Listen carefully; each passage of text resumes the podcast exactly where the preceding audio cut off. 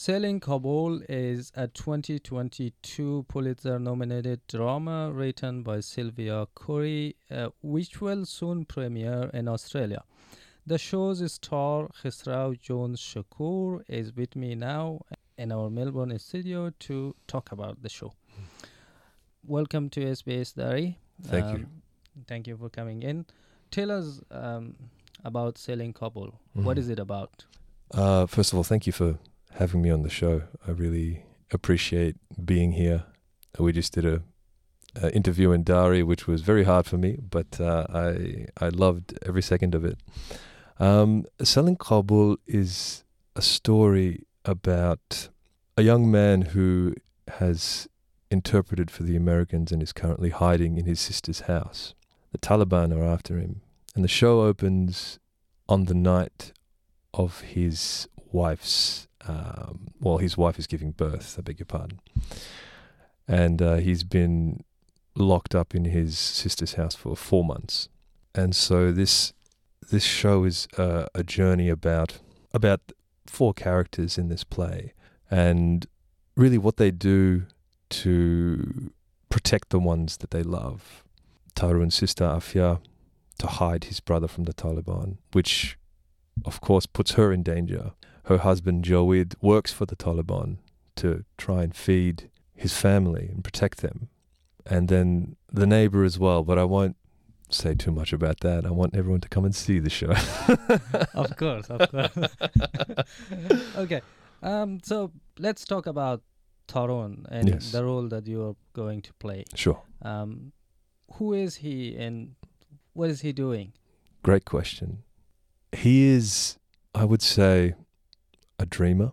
I would say he's someone like I would assume many Afghans, someone who wants a better future, a better country.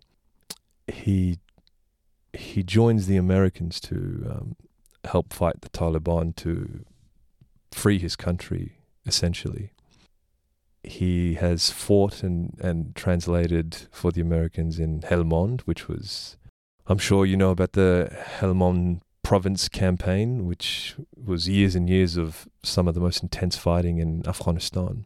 So he's, you know, a, a patriot and also he's progressive and also very much in love with the character Bibi, who you unfortunately never see, his wife. Um, that's, I would say, in a nutshell, who he is. So part of the story is that Tarun's wife is giving birth, but in the show, uh, we don't see Tarun's wife. Is that right? That's correct. He wants to go and see her, and he's trying to go and see her, but Afia, his sister, won't let him because the Taliban in the story are closing in on him. They're getting closer and closer, and death seems to be very near. And of course, he wants to see his newborn son. He wants to see his his wife, but because of these imminent dangers, he is stopped from doing that. And no, you don't. She's Bibi is only talked about rather than seen. Mm. Mm. And uh, you have surely um, practiced the role. How how would you describe the scene? Is it intense? Oh yeah. yes, yes, very, very intense. I would say the whole play is kind of puts you at the edge of your seat. There's there's so much going on. It's quite the journey, and these guys are in you know they're in the middle of a war, even though the Americans have withdrawn a few of their troops. Even the process of rehearsing has been quite, I guess, intense as well particularly with you know I'm fasting at the moment, so it's it's it's it's got just that extra extra level of intense. But um, yes, it's quite uh, it's it's quite quite the journey, quite a thrilling journey, and um, things just keep happening, and people's people's needs are clashing against each other, which which creates this drama. Tarun needs to see his his wife and his child because what what father doesn't want to see his new son or his new child? Um, of course, on the, on the other hand, his sister is trying to protect him and is trying to stop him from going so he can stay alive, so his wife can stay alive. You know, Jawid is trying to trying to keep them all alive as well by keeping everyone safe and calm and and and calculating what the the right move is. And their neighbor, uh, Leila, is also trying to keep things a little lighter, you know, bring some joy as well. As um, but there's of course, as the story unfolds, things also uh, unravel as well as unveil. So Tarun is in hiding while waiting um, for his visa to be approved, to be granted. Yes. And this could be a story also about the, the migration system in, in, in the Western countries. Uh, I mean, uh, it is a fact that many Australian um, interpreters, Afghan interpreters, are left behind. Mm. Uh, tens of thousands of uh, uh, Afghan nationals currently are waiting Mm. for their visa applications to be finalized Mm. and to come to Australia Mm. or to just get an answer. You know, not not live in limbo. Of Limbo. So, uh, how how do you feel about that? it's heartbreaking for me, really. These people that have, these men and women that have worked for either the UK or the US, that have really sacrificed a lot and put themselves as well as all the people around them in imminent danger from a gunshot, from stoning, from any type of harm. And I think there are still cases to this day. People are still waiting on their on their visas. And Tarun is one of them. Whether he gets it or not, come and watch the play. but it's yeah, it's for me it's a it's a bit of a there's a sense of betrayal there. If I was to work for say the US and I worked for 2 years in Helmand in one of the most dangerous places in Afghanistan at that time and I was at the mercy of bureaucracy and paperwork and waiting, ah, I would see that as a slap in the face. I helped you in this war, and now I'm about to be targeted by some very harsh people. And it breaks my heart to know that there are people out there still in that process. I've read articles about uh, there was this one man who who got his visa to U- to the UK, but his his fellow interpreters were murdered and they were beheaded on camera, and he could identify who these people were. They were his friends, and imagine, yeah, it really does break my heart. As someone who has roots in Afghanistan, um, your parent has come from Afghanistan. Uh, you said you have uh, Afghan blood in you. How do you feel about playing in a in a play that that is set in Afghanistan or is about a young Afghan man? How do you feel about playing such a role? First of all, relieved and proud. It's not every day that I see a story about, particularly, of course, in Australia, um, that's set in Afghanistan with with um, Afghan characters, and being able to step in the shoes of Tarun and this world. It also gives me. I've always wanted to go to Afghanistan. It gives me that connection to that country, and now more than ever, I I've wanted to go. I really want to go, but of course, for certain reasons, I just I think I'm just going to wait a few years. um, and it's also propelled me to think about what kind of stories do I want to tell as an Australian with Af- an Afghan background. How can I support my fellow Afghans here? How can I represent them in Australia? And I've been given this opportunity by Red Stitch to fill his shoes, to do that, to think about these sorts of questions, which I'm just eternally grateful for. And to be able to tell this story is, yeah, phenomenal.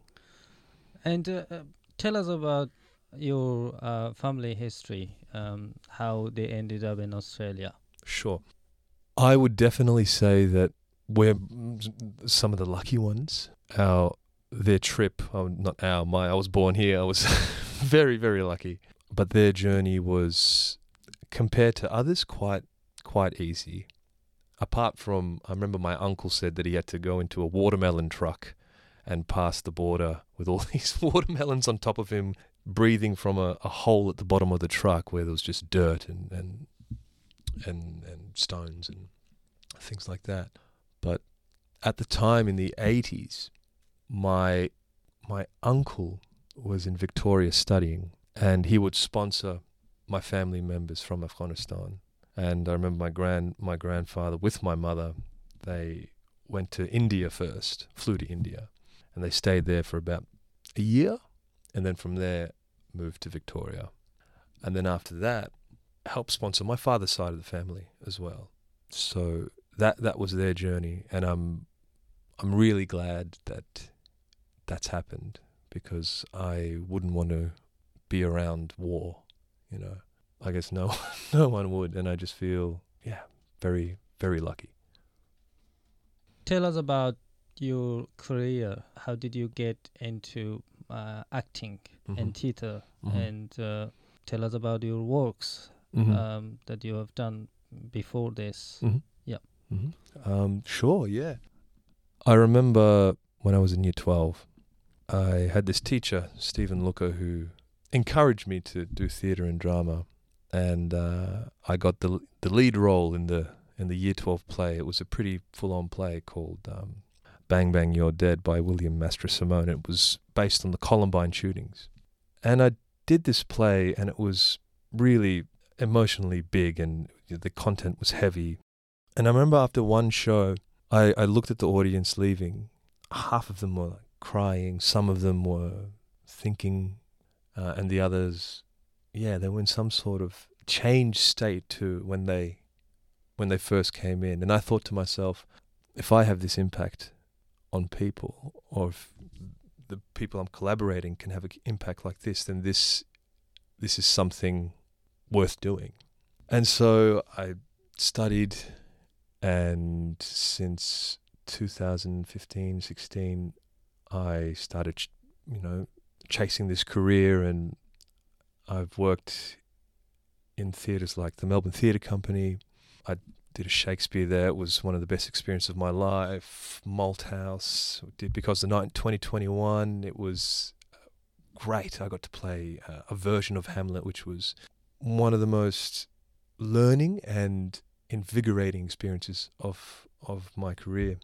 And places like Red Stitch who I'm now an ensemble member of where we put on plays about 8 times a year and really beautiful plays.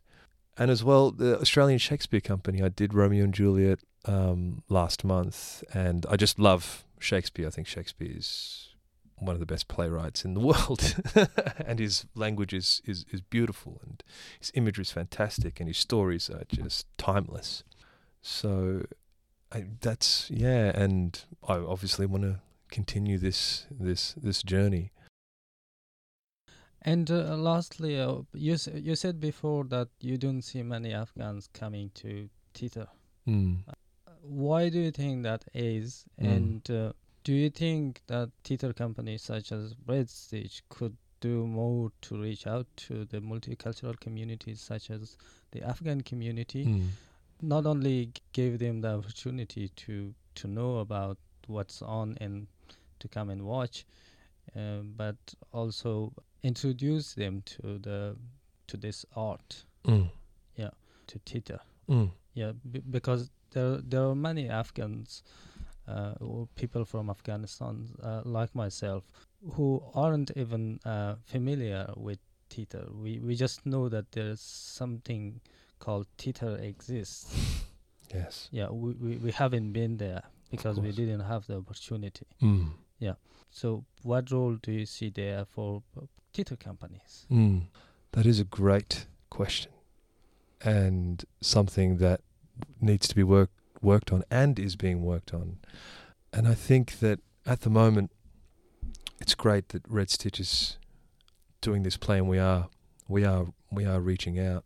And if any afghans are hearing this please come. Please come and come to the show and come speak to me um, if you're interested in this at all i would love to talk to you about it and put something on who knows i'll tell you about this one experience that i had that really opened my eyes did you catch Dore Dari that was at the art center earlier I didn't catch it, but I did interview them. I am fam- yes, I am familiar with their work. I thought that was a brilliant show. It really showcased the poetry of Afghanistan, and the three performers that did it were fantastic. I almost cried because of how beautiful it was. And I looked at the people in the audience.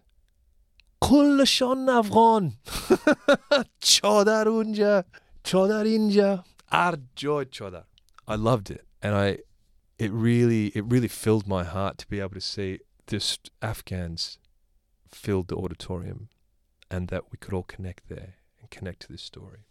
And I wanted more of it. So I think this is a great stepping stone to that. And yeah, anyone who's unfamiliar, any theatre companies that are willing to reach out, I think theatre companies should definitely work to involve as many diverse cultures as they possibly can. Afghans being one of them, particularly Afghans if you know if they don't if they don't know about theatre, please, oh my God, it's a life changing experience. So there is definitely work to be done. There's definitely people should reach out to to communities, and I think this will be a, a continuous uh, process. Thank you, Khusrau. It was a pleasure speaking to you, and thank you for coming along to speak to us. Som John, thank you so much for having me. Eternally grateful for being here. Thank you.